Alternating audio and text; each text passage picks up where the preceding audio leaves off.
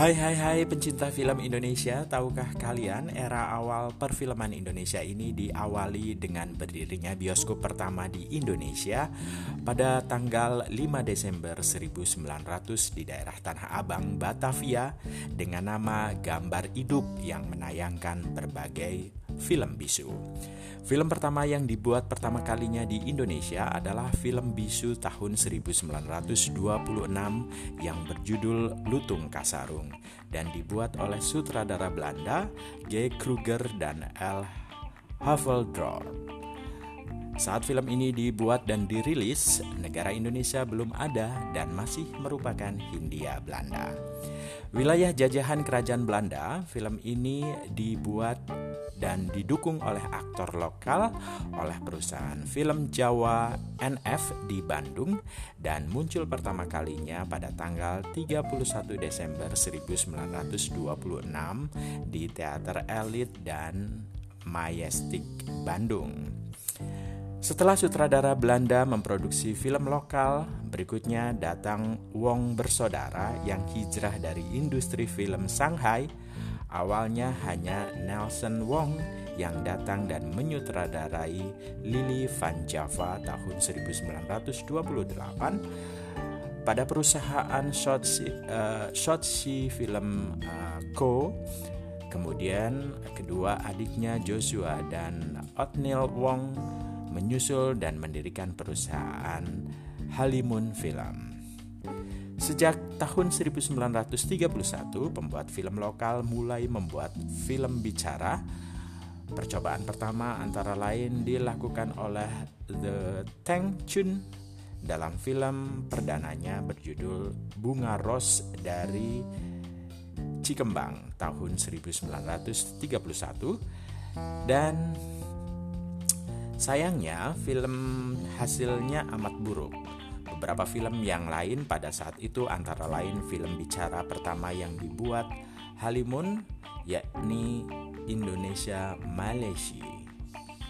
Malaysia 1931 Nah, pada awal tahun 1934, Albert Baling, seorang wartawan Belanda yang tidak pernah terjun ke dunia film dan hanya mempelajari film lewat bacaan, mengajak Wong bersaudara untuk membuat film Pareh dan mendatangkan tokoh film dokumenter Belanda, Monus Franken yang membantu membuat pembuatan film tersebut.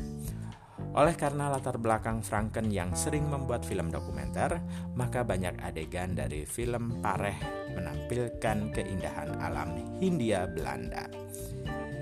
Film seperti ini rupanya tidak mempunyai daya tarik buat penonton film lokal karena dalam keseharian mereka sudah sering melihat gambar-gambar tersebut. Baling tidak menyerah dan kembali membuat perusahaan film Anif. Gedung perusahaan film Anif kini menjadi gedung PFN terletak di kawasan Jatinegara. Dengan dibantu oleh Wong bersaudara dan seorang wartawan pribumi yang bernama uh, Sairun, akhirnya mereka memproduksi membuat film Terang Bulan tahun 1934 yang berhasil menjadi film cerita lokal pertama yang mendapat sambutan yang luas dari kalangan penonton kelas bawah. Nah, itu secuil kisah perjalanan perfilman Indonesia dari tahun 1900 sampai 1942. Selanjutnya akan ada hal menarik apa saja yang akan disajikan oleh filmku film Indonesia. Stay tune di sini ya di podcastnya filmku film Indonesia. Jangan lupa datang ke bioskop, tonton dan cintai film Indonesia karena filmku film Indonesia.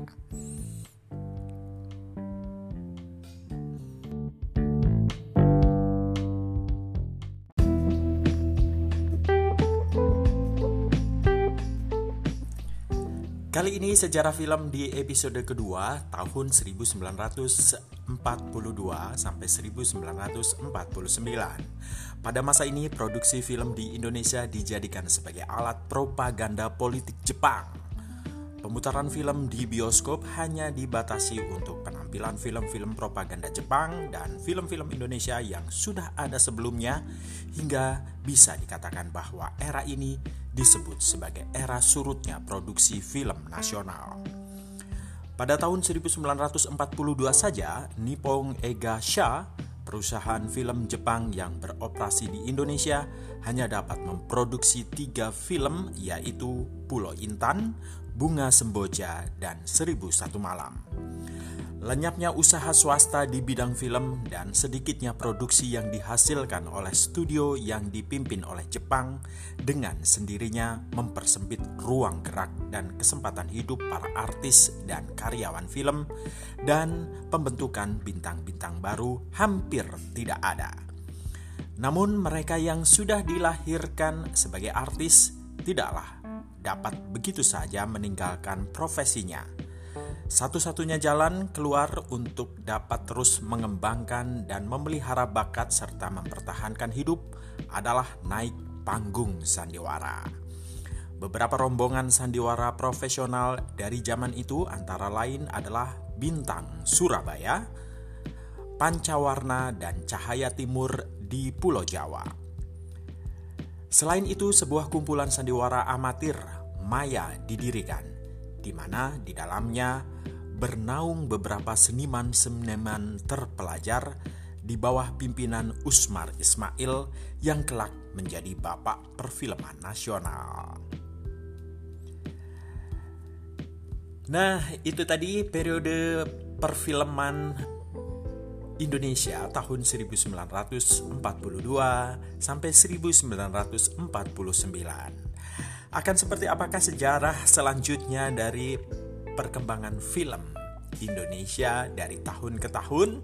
Ikuti terus kanal Filmku Film Indonesia, podcast yang cukup menarik untuk kalian simak dari episode ke episode berikutnya. Jangan lupa untuk datang ke bioskop, tonton dan cintai film Indonesia karena filmku, film Indonesia.